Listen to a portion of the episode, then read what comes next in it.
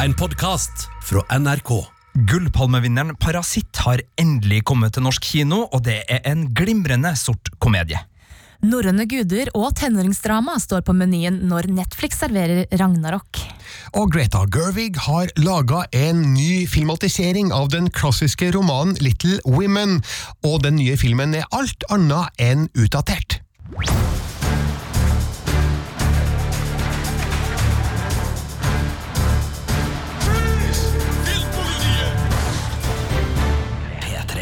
Det er altså klart for en splitter ny podkast fra oss i Filmpolitiet. Jeg heter Birger Vestmo, og i studio sitter også Miriam Folland. Og Sigurd Vik. Og vi skal altså snakke om to filmer og en serie som vi har vært veldig nysgjerrige på den siste uka. Og når det gjelder den første filmen, så må vi vel kun si at vi egentlig har vært veldig nysgjerrige på den siden filmfestivalen i Cannes i fjor, nemlig Parasitt, som endelig har norgespremiere. 부모님 얼굴도 뵙고 좋더라 건강들 하시고 일거리가 없으셔도 네가 내 대신 얘 과외 선생님 좀 해줘라 영어 대학생인 척하라는 거야? 구라를 좀 치지 뭐 넌 이 좋은 실력으로 왜 미대는 맨날 떨어지냐? 아이씨 죽을래. 저는 이게 위조나 범죄라고 생각하지 않아요. 참으로 시적절하다. Parasitt vant selve Gullpalmen i Cannes i fjor, og ble kjøpt opp av den norske distributøren Arthouse, som trenger litt tid på seg til å få filma ut på kino, så det er først nå da den har premiere, men det er kanskje ikke så rart at de valgte å vente med den, fordi det lå litt i kortene at den kom til å bli nominert til Oscar i kategorien beste fremmedspråklige film, og så har han altså gått hen og blitt nominert i fem kategorier til, inkludert beste film. Og hvordan vekker det appetitten, Sigurd? Eh, Det gjorde jo at man eh, var meget eh, spent på det her. Jeg visste jo også at du hadde gått god for kvaliteten, i og med at du, Birger Vestmo, så den her i Cannes, hvor du var i mai 2019 og kosa deg med masse god film. Og du ga da en meget god anbefaling på denne filmen, så det har jo gjort at jeg har vært veldig spent. Og så fikk jeg da se filmen denne uka, og jeg er så langt fra skuffa. Det her var en av ja, hvert fall 2020s beste filmopplevelser for eh, min del. Regissøren heter Bong Joon-ho og er kjent tidligere for filmer som The Host og Snowpiercer og Netflix-filmen Okja, alle sammen med litt, eh, skal vi kalle det eh, ja, overnaturlige elementer, litt sånn monstertematikk, i hvert fall The Host og Okja, men Snowpiercer er jo en ren framtidsvisjon om bord på et eh, tog. Eh, nå gjør han mye av det samme i Parasitt, nemlig bland flere sjangre sammen. Eh, for Parasitt er både morsom og rørende og spennende og ekkel. Og eh, den kommenterer jo da på en ganske morsom måte gapet mellom det å være fattig og rik i et kapitalistisk samfunn, som også da Sør-Korea er. Det er der vi befinner oss i filmen. Eh, Jeg er ikke helt sikker på hvilken by vi eventuelt skal befinne oss i her. Det blir vel aldri sagt, men vi kan jo kanskje tro at det er hovedstaden, da. Eh, Der møter vi da en familie på fire som bor i en kjellerleilighet i en trang bygate. Eh, De har da åpenbart ganske små ressurser, men de prøver å tjene til livets opphold på ulike måter. Kanskje noen av metodene er litt smågrå, kan vi si det. Og så får sønnen i familien da en dag en um, stor mulighet som eh, privatlærer for dattera i en rik familie. Og han forstår at her er det penger å hente, og han får med seg resten av familien til å tyne så mye ut av den rike familien som overhodet mulig, med store mengder oppfinnsomt lureri, kan vi si. Jeg vet ikke om vi skal si så mye mer om akkurat hvordan det her foregår, men det skildres jo på en så morsom måte av Bong Joon-ho at, eh, som jeg skriver i anmeldelsen min, det er jo nesten så jeg sitter her og ønsker at de skal lykkes med lureriet sitt, for eh, det er så det er så smart gjort og så godt fortalt at eh, man blir jo sittende og humre i kinosalen. Fil Ja. Eh, Filmene hans har jo ofte sånn politiske undertoner. Hvor mye tar det over? Er det liksom mye renspikka humor, eh, eh, eller er det jo mest sånn samfunnskritisk? Ja, begge deler. Begge deler. det er melk og honning. Ja takk. Nei, for um, på overflata så er det jo da alle de her morsomme påfunnene og de her eh, infame innfallene som eh, Bong Joon-ho da skildrer. Eh, Men under det her så aner vi jo en eh, om ikke en samfunnskritikk, så i hvert fall en samfunnskommentar da, til at eh, det er de som har, og så er det de som ikke har. Og hvor fortjent er egentlig det? Vet ikke hva du tenker, Sigurd, etter å ha sett filmen om akkurat det aspektet? Jo, jeg syns det er kjempefascinerende å se en film, spesielt i disse tider, som klarer å ja, Hvis vi starter med at kapitalisme mot kommunisme gjennom spesielt da USA og Sovjet har liksom vært to rake motsetninger og et veldig sånn enten-eller. Eh, Denne filmen er skeptisk til begge deler, og det er så deilig. Fordi den nordkoreanske naboen er jo et kommunistisk land som det gjøres eh, narr av i, i den filmen her, på, på flere vis, og, og ganske direkte vis. Samtidig som den sparker jo opp mot et kapitalistisk system som skaper voldsomme forskjeller i samfunnet, og hvor eliten er, eh, har et menneskesyn og, og en atferd som er eh, brekkekkel, rett og slett. Og det å klare å plassere seg i det som kan kalles et slags sosialistisk midtsjikt, der du sparker i begge de retningene, eh, uten å, å svartmale begge retningene, fordi her er det eh, både tankegods fra kommunismen og kapitalismen som jeg i hvert fall opplever at skildres med positivt fortegn, samtidig som det er andre aspekter både ved kommunismen og blodkapitalisme som skildres med negativt fortegn. Så jeg syns det her er en deilig sammensatt film som klarer å være mye på en gang, uten at den blir utvanna eller utydelig. Den er, den er relativt tydelig i mange sin, men, men den belønner jo innsats. Det er ikke noe sånn at alle skal ha det likt. Altså Hvis du er en durkdreven eh, person som, som kan å komme deg opp og fram her i livet, så, så eh, syns i hvert fall jeg filmen eh, legger opp til at det er en positiv trekk, og det er ikke sånn at alle nødvendigvis skal, skal ha det helt flatt. Samtidig, så hvis du gjør det til et punkt hvor det tipper over, og du blir en usympatisk person som, som ikke klarer å, å, å være et godt medmenneske, så, så får du også passet ditt påskrevet. Så jeg, jeg syns den er deilig, jeg, Birger. Men de her linjene du trekker opp nå, det er linjer du egentlig må trekke sjøl når du sitter her og ser filmen. Det er ikke noe som filmen er veldig tydelig på at dette skal du få ut av handlinga. Det er elementer som eh, du egentlig må, må se på, på, på egen hånd. Uh, men uh, det er en ting til jeg må kommentere med filmen, og det er jo at Og nå må jeg være forsiktig. Eh, På et tidspunkt, eh, på et tidspunkt tar eh, handlinga en skal vi kalle det en vending, der jeg, der Sony kan, bli sittende og tenke hva i helsike er det som skjer nå? Hvor er det filmen vil hen, og hva skjer nå? Liksom All bets are off, og eh, det er fullstendig uforutsigbart, det, det som da skjer videre. Og det er en sånn deilig følelse å få i kinosalen, da, når eh, en regissør er i stand til å bare overraske deg så komplett. og før filmen ut i et nytt, ukjent eh, farvann, men det er jo det som skjer da i eh, Parasitt. Og jeg liker også veldig godt persongalleriet her. Eh, Det er jo da skuespillere som du kanskje ikke kjenner navnet på, men du har i hvert fall sett Song Kang-ho før, for han har spilt i flere av Bong Joon-hos eh, filmer. Han spiller da familiefaren i den fattige familien, som eh, jo da er et opphav av eh, påfunn for å karre til seg midler som denne familien da har blitt eh, nekta å ta del i.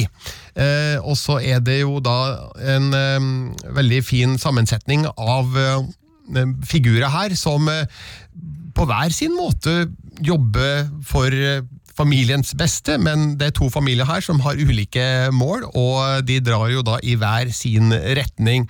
Sånn at eh, det er et ensemble som virkelig treffer blink, og det har, de jo blitt belønna for i eh, prissammenheng. Eh, Nesten synd at ingen av de er nominert til Oscar, men så er det jo en gang sånn da at Oscar er en amerikansk filmpris, og det at en utenlandsk film har blitt nominert i seks kategorier er jo et mirakel i seg sjøl. Det betyr jo at eh, Parasitt virkelig har eh, en verdensomspennende appell da, som ikke veldig mange filmer eh, har muligheten til å, til å få. Eh, dette er jo da også en film som jeg vil anbefale alle å se på kino. Det er virkelig en film for de store, breie lerretene. Tror ikke, altså Den vil jo selvfølgelig funke bra også hjemme, men jeg tror ikke at den vil funke like bra på TV-ruta, eh, uansett hvilken eh, skjermstørrelse du har, fordi det er så styggvakre bilder her, der den visuelle prakten er helt avgjørende for eh, filmopplevelsen. Ja, og jeg vil jo også si at mye av filmens miljøskildringer, både i arkitektdesigna familieboliger og i mer eh, røffe gatebilder, er viktig både for film, for filmens klangbunn, men, det, men her er også filmspråket viktig, så jeg er helt enig med deg, Birger. Det er en film som, som kler eh, storformatet veldig godt. Ja. Ja, apropos det estetiske. Jeg likte veldig godt Okja, og den var jo på en måte veldig splittende. øh, Og den er jo veldig sær og litt sånn absurd. Har den noen av de elementene visuelt? Ja, det, det har den, og da tenker jeg spesielt på det du var inne på nå, Sigurd, med huset, som jo er en figur i seg sjøl. Det er et eh, sånn arkitektonisk eh, mesterverk med masse glass og metall og betong og veldig klare, rette linjer. og Alt er ryddig og pent og strigla og vakkert. Og så er det da eh, den rake motsetninga er jo da denne fattige familiens kjellerleilighet, som er trang og rotete og overfylt og eh, røykfull og ja, skitten vil jeg vel nesten kunne si at den er. Så der er det jo to parallelle virkeligheter som er, står langt eh, fra hverandre. Eh, og det syns jeg jo da Bong Joon-ho får skildra veldig godt, eh, sammen selvfølgelig da med filmens eh, setdesigner og art director og kostymedesigner, som jeg ikke vet navnet på, jeg beklager det. Men i hvert fall så viderefører han jo da det stilistiske aspektet fra sine tidligere filmer veldig klart og tydelig her. Han, han er en veldig visuell regissør, og har mange morsomme, flotte påfunn her. For eksempel en ja, det er en slow motion fight her i, i gata utafor kjellerleiligheten, som er full av både røyk og tiss og, Ja. eh, og vann. Og det, ja, det er kjempemorsomt, rett og slett. Ja, det er et av uh, høydepunktene. Og, uh, uten at vi skal uh, avsløre noe mer, så kan vi jo si at uh, den filmen her er drøy både visuelt og i handling, uten at eh, vi skal si noe mer. Men altså det, i, i god eh, jeg holdt på å si sørkoreansk tradisjon, det har ikke jeg helt belegg for å si, men altså, det er en del asiatiske filmskapere som, som kan å dra på med, med, med groviser, og, og det, det er no, noe av det her også. Jeg har gitt uh, Parasitt terningkast eh, fem, en veldig sterk femmer. Eh, etter at vi har bare snakka veldig veldig positivt om den, så kan man jo kanskje lure på hvorfor har jeg ikke gitt terningkast seks da? Og svaret på det er vel at eh, ja, det kunne jeg vel kanskje ha gjort, men jeg landa på en femmer, og det har å gjøre med eh, noen eh, stilvalg eh, mot slutten som eh, jeg ikke kan snakke om, rett og slett. Eh, der jeg tenker at eh, det, det kan av og til bli litt mye òg, men eh, uansett så er Parasitt en strålende filmopplevelse som er varmt anbefalt. Som sagt så er den jo nominert til seks Oscar-priser for beste film, beste regi, beste originalmanus, beste internasjonale film, beste produksjonsdesign og beste klipping.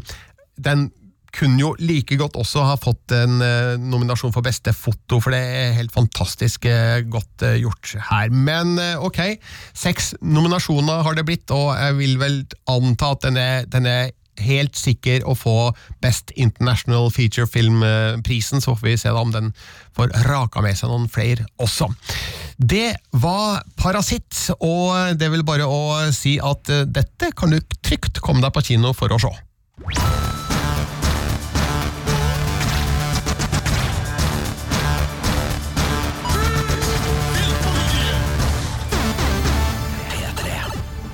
Fra kino til Netflix, og hva finner vi der, Miriam?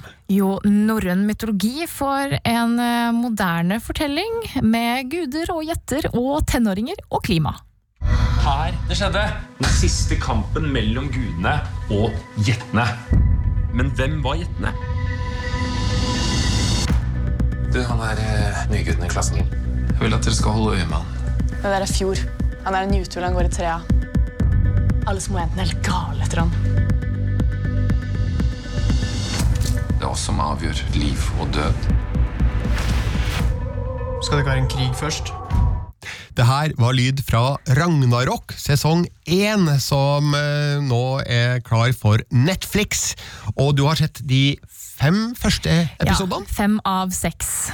Så ikke sett hvordan sesongen ender, men uh, har fått en ganske god idé av uh, programmet. Ja, og her kan vi være såpass ærlige og si at det er ikke vi som anmeldere som velger å bare se fem av seks episoder Nei. før vi anmelder. Her er det da Netflix som har valgt å holde tilbake avslutningen for pressen, eh, og, og da kun gitt ut de fem første. Noe som ikke er uvanlig, men det er også det som er eh, eh, bakgrunnen for at vi ikke har eh, en full sesong eh, å, å ta av. Men eh, kan du forklare, Miriam, hva Ragnarok eh, er for noe? Altså, Hva handler det her om? Ja, det utspiller seg i den fiktive by, byen Edda.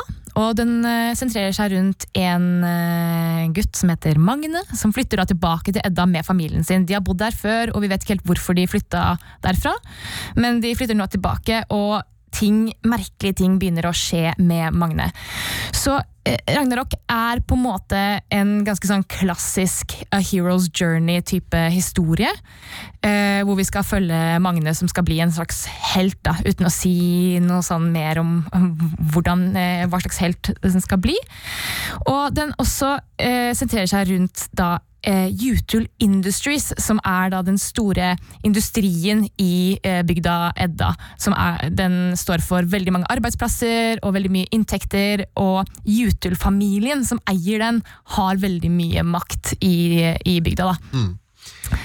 Og slik tittelen tilsier, så skal det da også være med en god del eh, norrøn mytologi.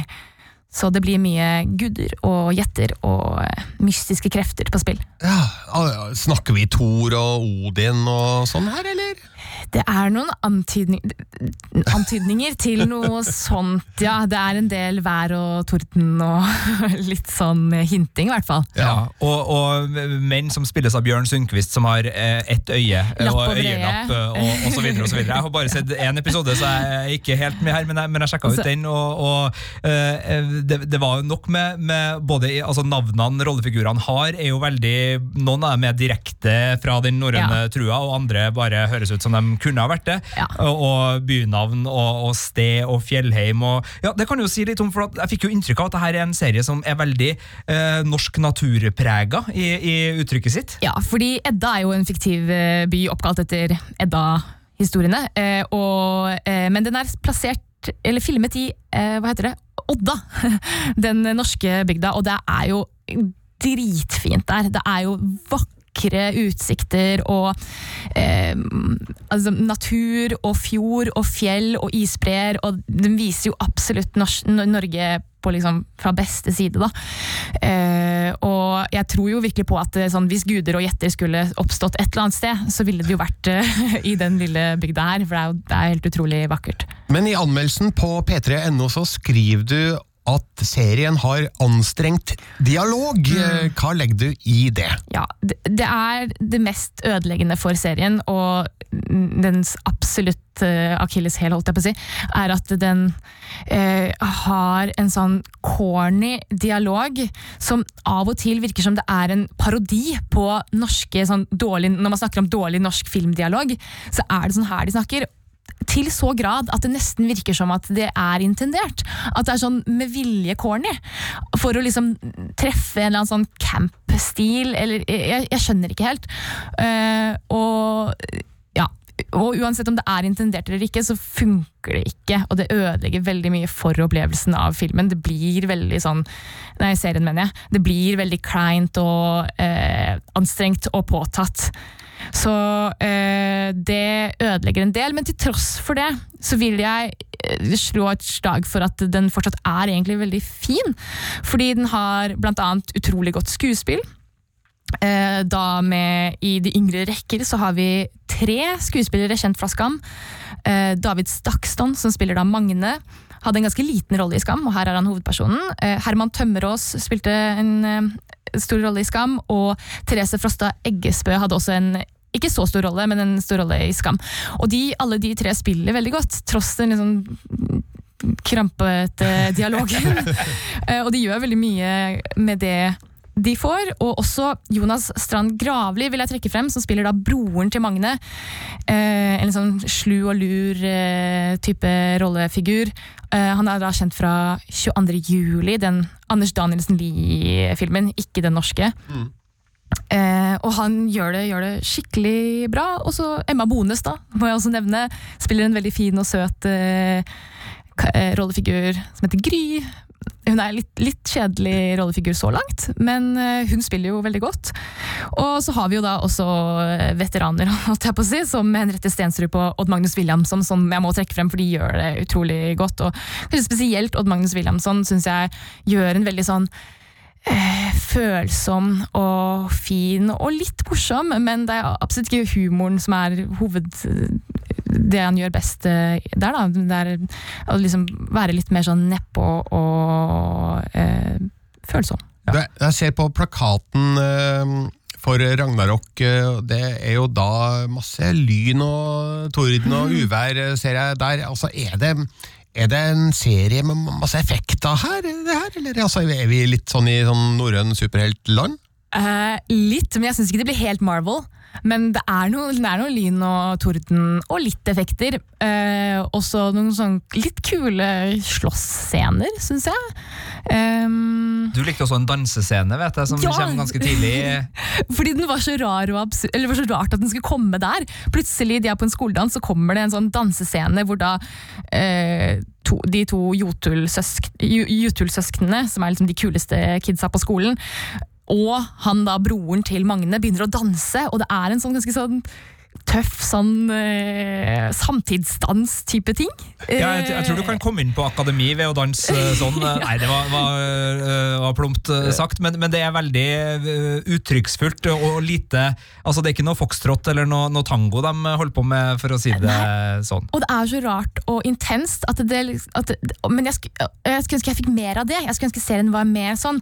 For som jeg skriver i anmeldelsen min, så syns jeg serien er liksom sånn en blanding av Twilight og American Gods. Hvis dere så den Amazon Prime-filmatiseringen. Fikk terningkast fem i Filmpolitiet. Den, Ja, det, eh, det var skikkelig kul! Den var skikkelig sånn speisa, og den er også laget av samme fyr som lagde eh, Hannibal, den moderne den serien. Og den første sesongen av Star Trek Discovery var han også konseptdesigner på, så, så han, eh, han har mye bra estetikk. Eh, Brian Fuller, er han? Ja, Brian ja, Fuller. ja. Og det er akkurat den estetikken som jeg liker veldig godt. Og man får liksom noen drypp av den i Ragnarok, og jeg skulle ønske det var mer av det, og liksom mindre sånn litt sånn glatt Twilight-stemning, da.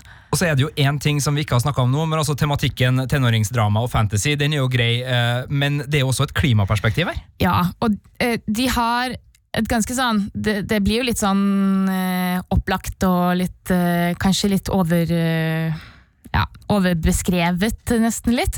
Hvor de har en karakter, eller en rollefigur i første episode som er liksom sånn klimaforkjemper og snakker om at Jotul Industries driver og forurenser vannet, og at det er noe på ferde her. Da. Og gjetter er også sånn i norrøn mytologi ofte eh, er en sånn samlebetegnelse på mystiske vesener i norrøn mytologi, men som også ofte blir forbundet med liksom sånn destruktive naturkrefter. Så det er definitivt, og Ragnarok også, eh, altså ende dommedag, ble jo iverksatt av klima- eller naturkatastrofer. så, så det er definitivt et klimaspørsmål her, og jeg syns at de fletter liksom, den norrøne mytologien veldig godt inn i det, og gjør det veldig dagsaktuelt og relevant. Om ikke noe, men også litt sånn eh, var, På nesen? Litt på nesen, litt sånn overtydelig noen ganger. Ja. Du har gitt eh, terningkast eh, fire til Ragnarok sesong én, basert på fem av de seks episodene. Ja, og jeg gleder meg til å se siste. Jeg syns det er spennende og ja. Det er lovende i hvert fall, og fredag 31. januar er premieredatoen, om du hører det her før, under eller etter akkurat den dagen. Vi gleder oss til Ragnarok på Netflix. Filmpolitiet.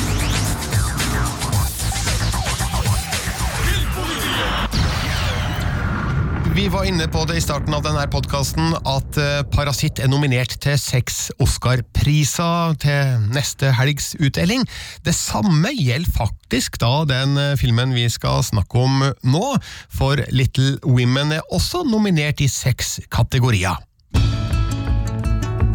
Want to be an artist in Rome and be the best painter in the world. That's what you want too, isn't it, Joe? To be a famous writer. Yes, but it sounds so crass when she says it. My girls have a way of getting into mischief. Well, so do I. This is Meg, Amy, Beth, and Joe. I intend to make my own way in the world. No one makes their own way, least of all a woman. You'll need to marry well. But you are not married, are Well, that's because I'm rich. Meryl Streep, mine damer og herrer, det er jo grunn god nok til å se hvilken som helst film, og hun spiller jo da en kostelig birolle i eh, Little Women, som er basert på en klassisk roman utgitt i to bind i 1868 og 1869, så det her er virkelig basert på et klassisk kildemateriale, og Little Women har jo blitt nominert eh, flere ganger før, og den mest kjente versjonen i nyere tid er kanskje da den som kom i 1994, med blant annet Winona Ryder i en stor rolle, husker jeg. Husker ikke så mye av den 94-filmen. Er det noen som så den? Ja, jeg husker den veldig godt. Jeg er veldig glad i den. Synes den er kjempefin. Winona Ryder spiller jo da Joe, hun eh, som Shersha Ronan spiller i den nye. Og det er Claire Danes er jo også sp- spiller i den, og Christian Bale. Den er, eh, den er veldig varm og god. Ikke så verst rollegalleri der heller, altså. Men den nye filmen, den likte jeg veldig, veldig godt. For det er da Greta Gerwig som har skrevet manus, og um, har også regissert uh, den nye versjonen. Hun spiller ikke i den, det kunne hun jo gjerne ha gjort, da, men det er vel en måte på hvor mye jobb man skal ta på seg.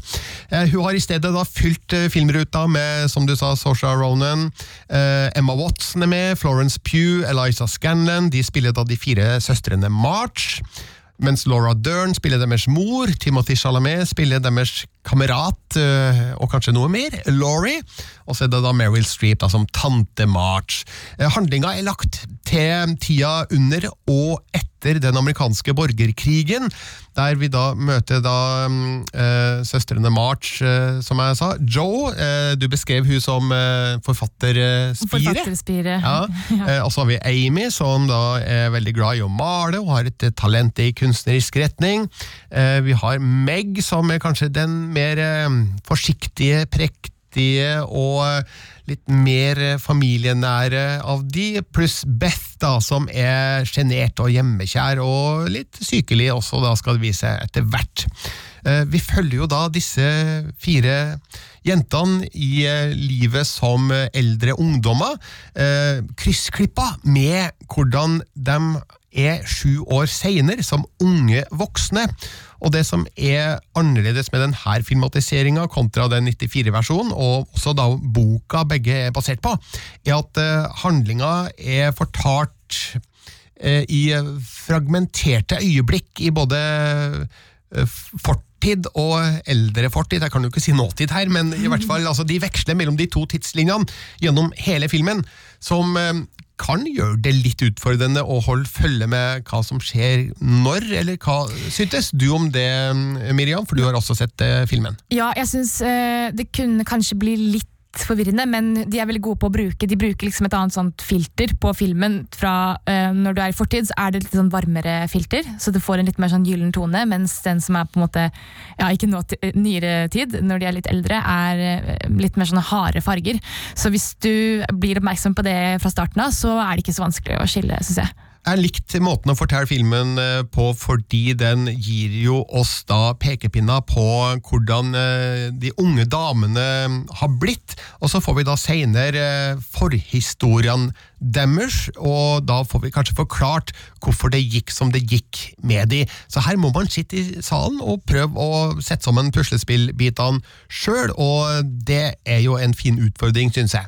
Eh, Og historiefortellinga flyter jo også som en drøm her, mye fordi det er en sånn fart og nerve i eh, formidlinga.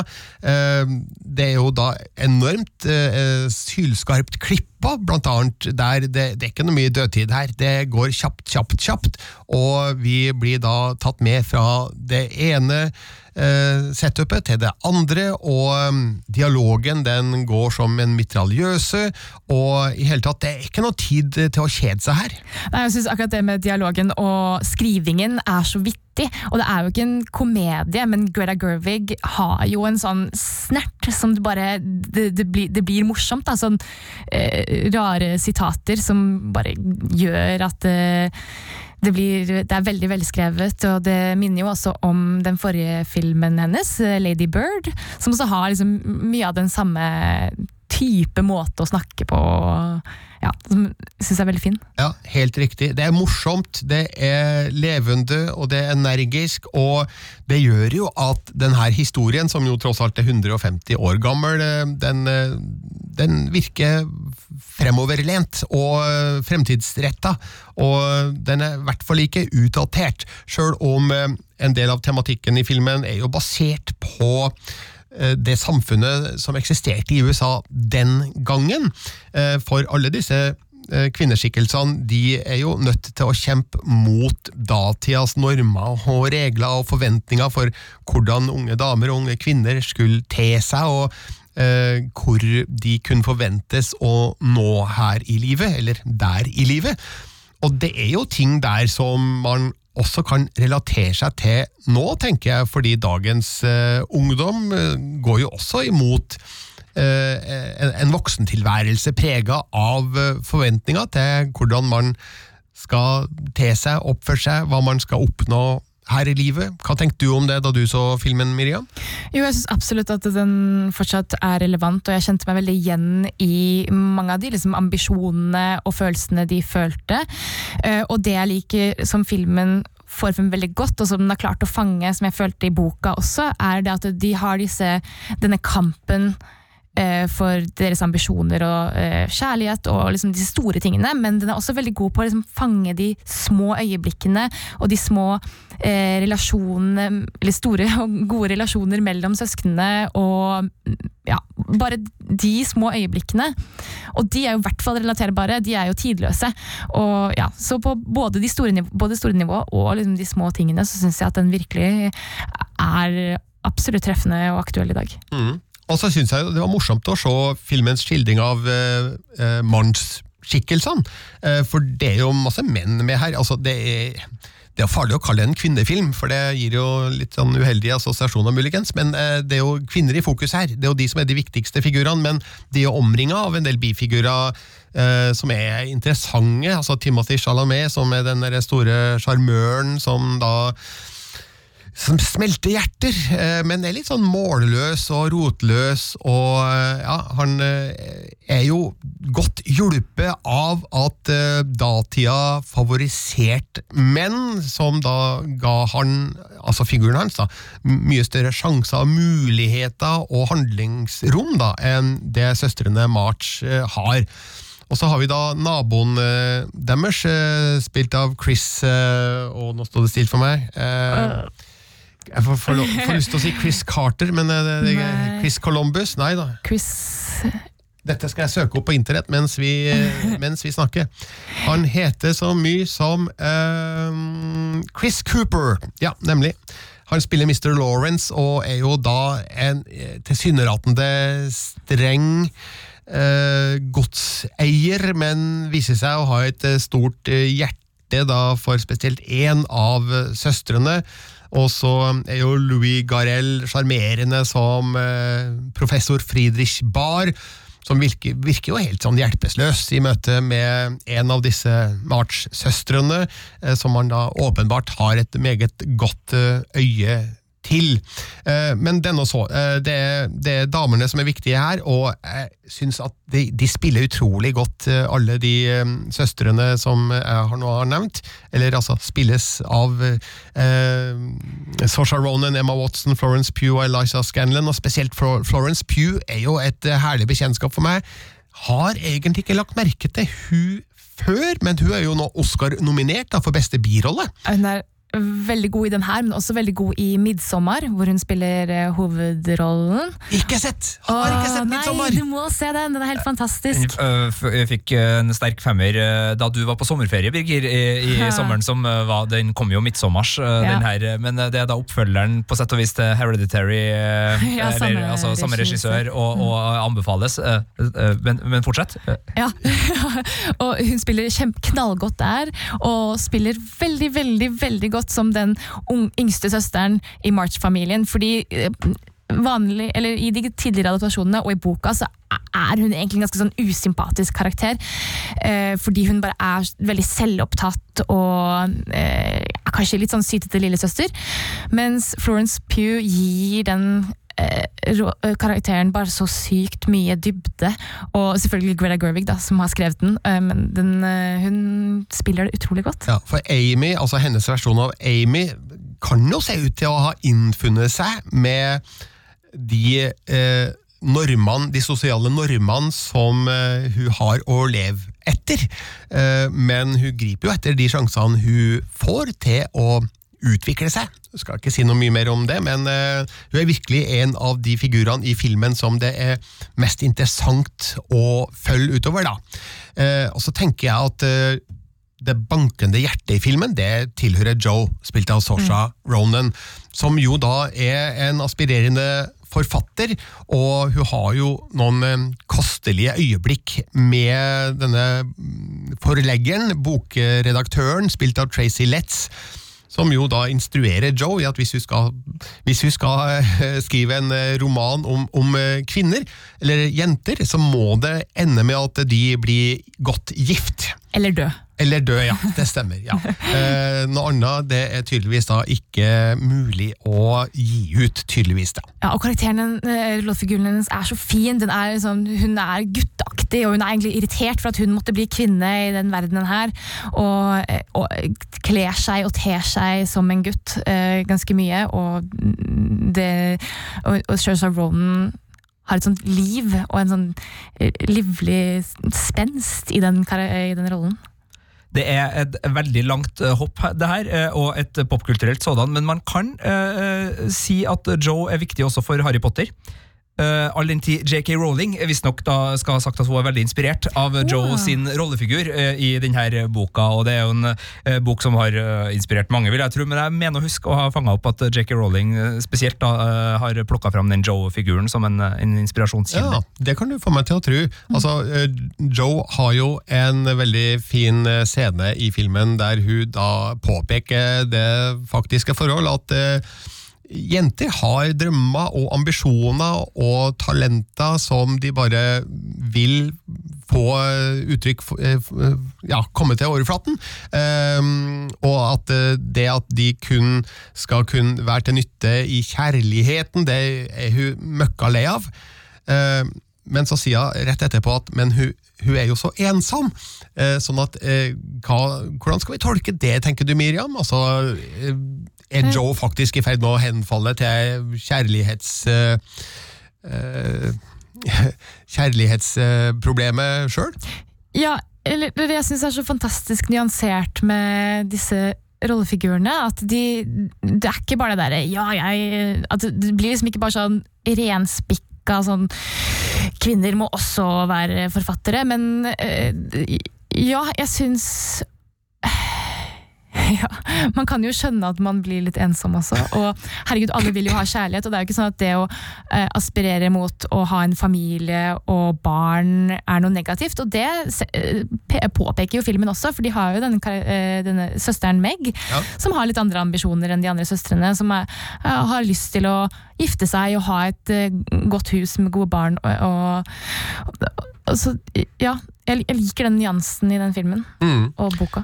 Det har blitt en meget vellykka film, syns jeg, som eh, er eh, det, altså, den, den kunne ha blitt litt sånn kiosklitteraturaktig i en Hollywood-film anno 2020, men tenker at eh, den har blitt så mye mer enn det da gjennom Greta Gerwigs eh, manus og regi. Eh, og den har jo da, som vi var inne på, blitt nominert i seks Oscar-kategorier. For beste film, eh, beste hovedrolle Sosha Ronan, beste birolle Flo- Florence Pugh, Beste adapterte manus, Greta Gerwig. eh, Det er jo de som tenker at eh, hun kanskje kunne ha vært eh, representert i regikategorien også.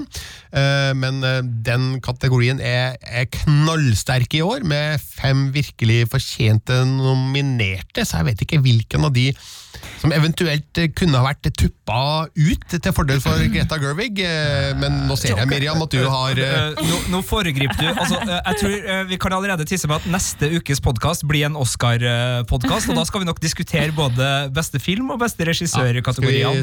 Ja. skal vi spare det til da, da? Spare det, ja. Og I tillegg da så er filmen nominert for beste kostymedesign. Og den, det kostymet altså, er jo helt utrolig. Det har en sånn detaljorientering som er utrolig vakkert. Jacqueline Duran er det som har stått for det, og så har Alexander Desplat blitt eh, nominert for sin filmmusikk, som er nydelig. Så her er det mye kvalitet i alle ledd. Jeg har da gitt Little Women terningkast fem, og du kan lese anmeldelsen av den, og av Ragnarok, og av Parasitt på p3.no filmpolitiet.